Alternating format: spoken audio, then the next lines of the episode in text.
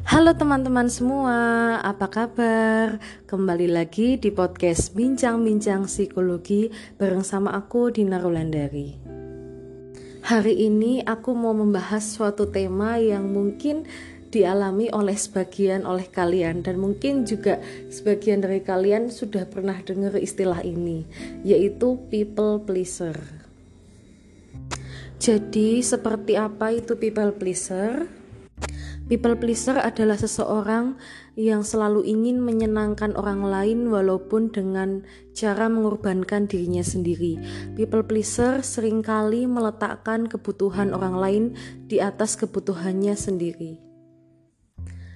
People pleaser sering mengiyakan permintaan atau ajakan dari orang lain meskipun di hatinya bilang tidak.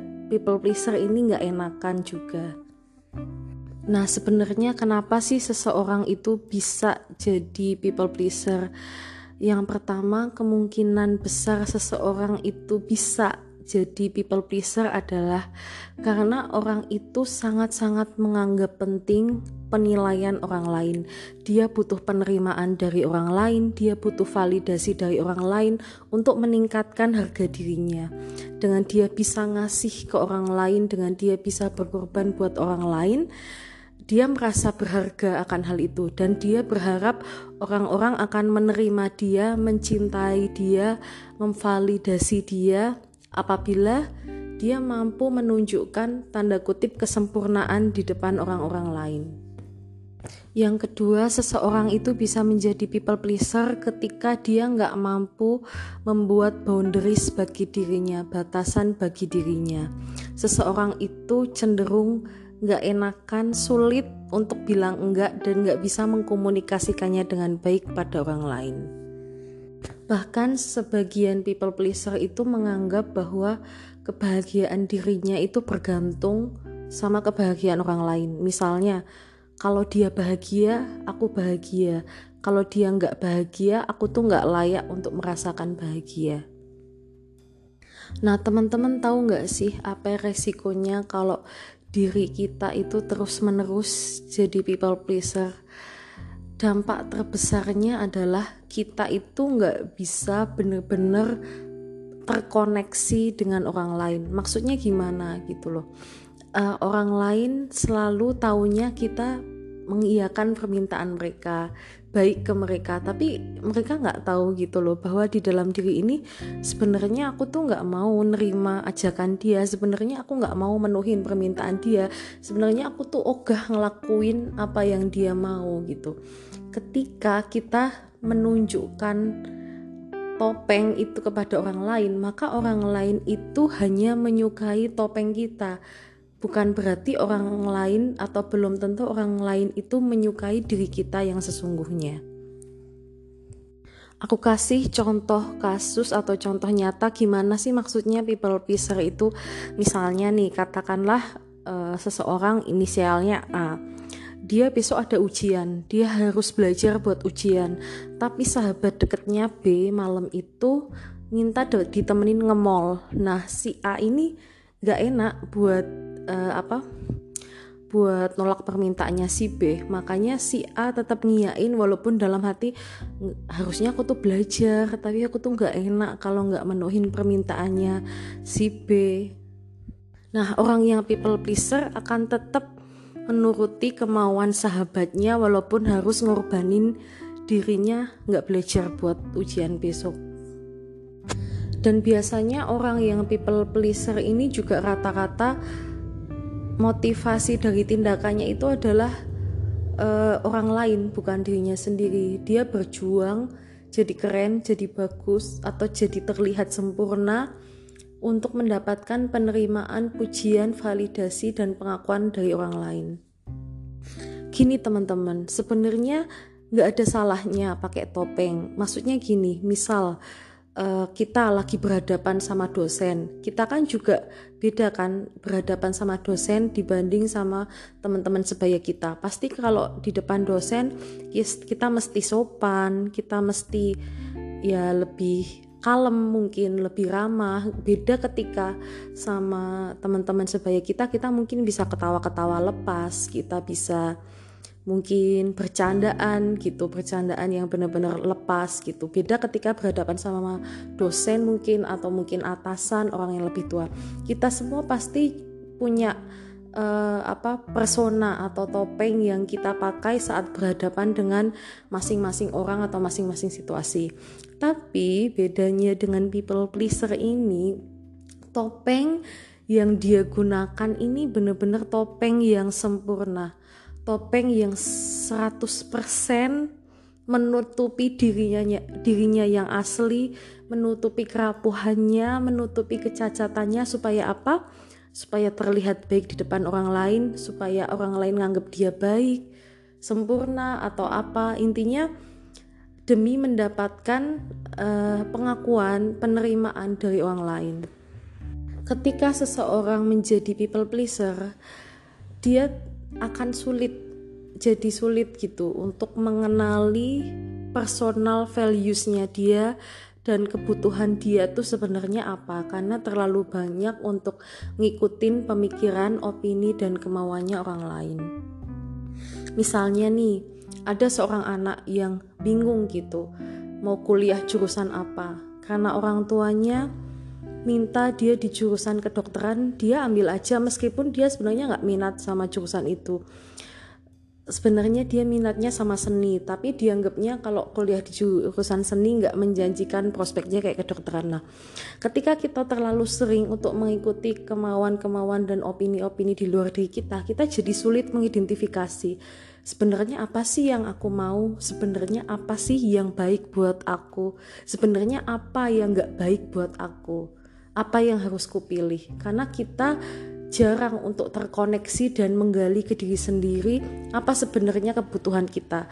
Kita terlalu terlarut dengan kebisingan-kebisingan di luar diri kita. Mungkin kasarannya tuh bisa dibilang kehilangan diri sendiri demi orang lain. Kalau istilahnya itu kita ngerawat atau memakmurkan atau menyenangkan orang lain tapi lupa ngerawat atau menyenangkan diri kita sendiri. Nah, buat teman-teman yang mungkin merasa atau relate dengan cerita ini, mungkin merasa dirinya itu people pleaser, aku ada beberapa tips yang mungkin bisa dipraktekkan teman-teman untuk bisa sedikit banyak mungkin merubah sifat people pleaser teman-teman atau mungkin mengurangi atau mungkin mm, menjadi insight untuk teman-teman untuk mulai berproses berubah.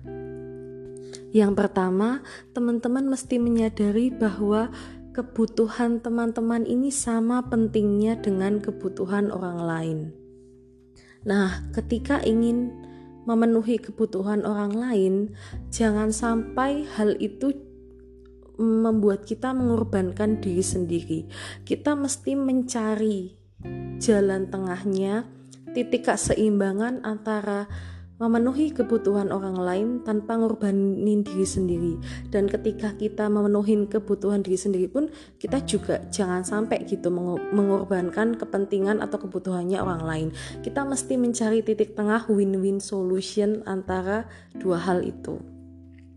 Misalnya kalau kasus yang aku contohkan tadi si A diajak jalan sama si B untuk ke mall, tapi besok ujian.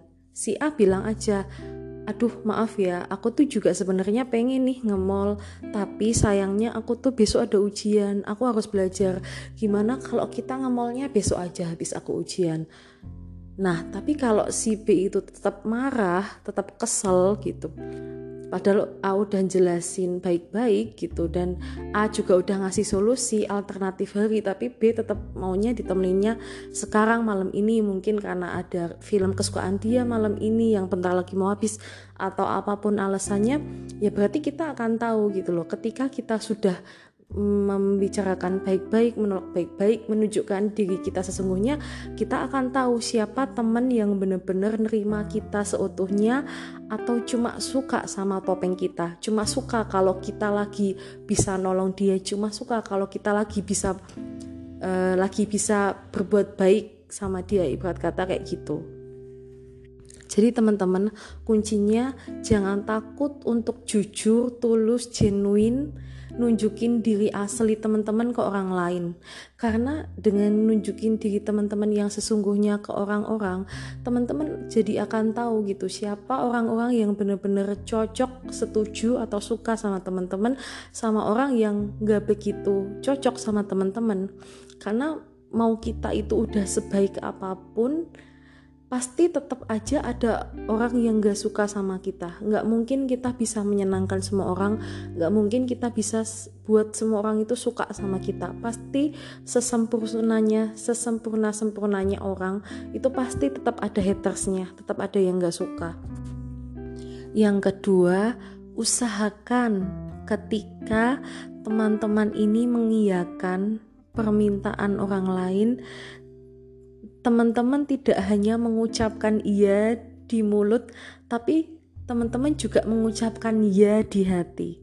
Jangan sampai ketika teman-teman mengucapkan ya kepada orang lain, sebenarnya hati teman-teman bilang no. Nah, itu yang bikin kita tuh jadi tersiksa sendiri gitu loh. Dan ketika kita menjalani itu, kita udah bela-belain ya ke orang lain. Padahal kita terpaksa sebenarnya. Di hati nggak mau di hati ogah. Ketika kita udah berusaha menyenangkan orang lain dan orang itu nggak bersikap sesuai ekspektasi kita kita tuh jadi bakal marah banget sama orang itu. Misal kayak kasus A tadi, A udah bela-belain mau diajak nge-mall sama si B meski besok ujian. Besoknya si A minta bantuan B sesuatu tapi B nggak mau nolong. Itu dijamin si A tuh bakal dongkol banget. Bakal bilang dalam hati ya ampun kemarin udah aku bela-belain loh. Aku temenin di mall sekarang aku mintain bantuan dia nggak mau coba. Kayak gitu teman-teman. Padahal hal itu tuh terjadi karena kita tuh nggak pasang batasan kita nggak pasang boundaries gitu loh. Ketika kita mengiyakan sesuatu ke orang lain kan kita berarti kayak setuju sebenarnya. Kan orang itu ibarat kata tidak memaksa kita atau gimana kita yang menyetujui. Jadi kita tuh nggak bisa 100% menyalahkan orang lain ketika kita sebenarnya terpaksa ngelakuinnya karena kita udah menyetujuinya gitu loh. Dan nggak apa-apa kok bilang no. Ketika teman-teman bilang no ke orang lain teman-teman itu memberi ruang untuk uh, diri sendiri gitu loh untuk ngasih batasan ke diri sendiri supaya energi teman-teman tuh nggak terkuras habis gitu loh. Kita juga perlu ngejaga energi kita. Jangan sampai kita tuh sampai bener-bener kecapean rasanya overwhelm terkuras habis hanya untuk kayak uh, apa untuk melakukan sesuatu orang ke orang lain tanpa mempertimbangkan kesehatan uh, kesehatan dan kepentingan dan kesenangan diri sendiri juga. Yang ketiga, lakuin sesuatu itu kebanyakan motivasinya internal, motivasinya intrinsik, motivasinya atas diri sendiri. Selanjutnya, uh, lakukanlah sesuatu atas motivasi internal atau motivasi intrinsik atau diri sendiri. Misal teman-teman mau ngasih sesuatu ke orang lain, kasihlah karena teman-teman ikhlas, karena teman-teman mau ngasih, ya karena teman-teman mungkin nggak ngebutuhin sesuatu itu lagi atau udah berlebihan sesuatu itu makanya mau ngasih ke orang lain. Jangan ngasih sesuatu ke orang lain supaya orang itu membalas kebaikan teman-teman karena nanti teman-teman akan kecewa kalau dia nggak bersikap sesuai ekspektasi teman-teman. Selanjutnya, kenali personal values teman-teman dan batasan teman-teman.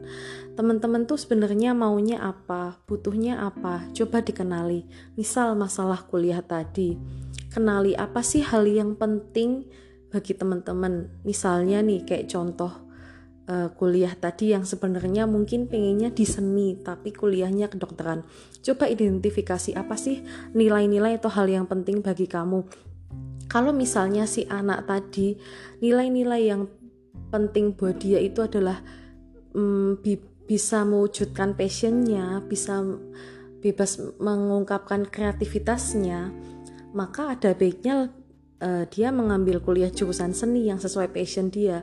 Tapi kalau value dia itu sebenarnya adalah kestabilan finansial, kemapanan, ya nggak ada salahnya juga ambil kedokteran. Jadi teman-teman harus kenali apa sih hal yang paling penting buat aku, kestabilan kah, atau kreativitas kah atau apa pun banyak value-value di dunia ini yang kita tahu mana yang jadi uh, prinsip utamanya kita dan kenali juga batasan teman-teman, batasan secara fisik, secara emosional, secara waktu, secara pikiran gitu. Karena teman-teman tahu nggak sih, sebenarnya ketika teman-teman itu merawat diri sendiri, teman-teman itu juga lagi merawat orang lain loh. Maksudnya gimana? Coba bayangin, ketika misalnya teman-teman itu terlalu ngorbanin diri sendiri, ngoyok demi bagian orang lain. Teman-teman kan juga jadi kehabisan energi, capek teman-teman ketika kehabisan energi capek overwhelm overwhelm teman-teman jadi nggak bisa ngasih yang maksimal juga kan ke orang lain ketika lagi bantuin. Beda ketika teman-teman tahu batasan gitu kapan aku harus mm, memberikan ke orang lain kapan aku harus memberikan untuk diriku sendiri dulu gitu. Ketika teman-teman bisa menyeimbangkan itu kan energi teman-teman terjaga nggak terkuras overwhelm. Jadi teman-teman tuh bisa memberikan uh, apa hal yang terbaik juga bagi orang lain dengan kondisi teman-teman yang fit dan teman-teman juga ikhlas juga ngelakuinnya. Gitu teman-teman penjelasanku soal people pleaser. Gimana? Udah pada dapat gambaran kah atau udah mulai memikirkan apa yang harus aku lakukan setelah ini kalau misal teman-teman ngerasa gitu juga dirinya people pleaser. Aku yakin kok kita semua bisa untuk berubah untuk lebih sayang sama diri sendiri tapi juga nggak egois. Oke segini aja dulu podcast aku. Nanti kita lanjut lagi. Kalau masih mau pengen bahas tentang people pleaser atau mau diskusi soal ini boleh lo DM aku di Instagram @dinarulandari atau boleh juga kasih masukan tema podcast yang kalian mau. Oke semoga bermanfaat episode kali ini. See ya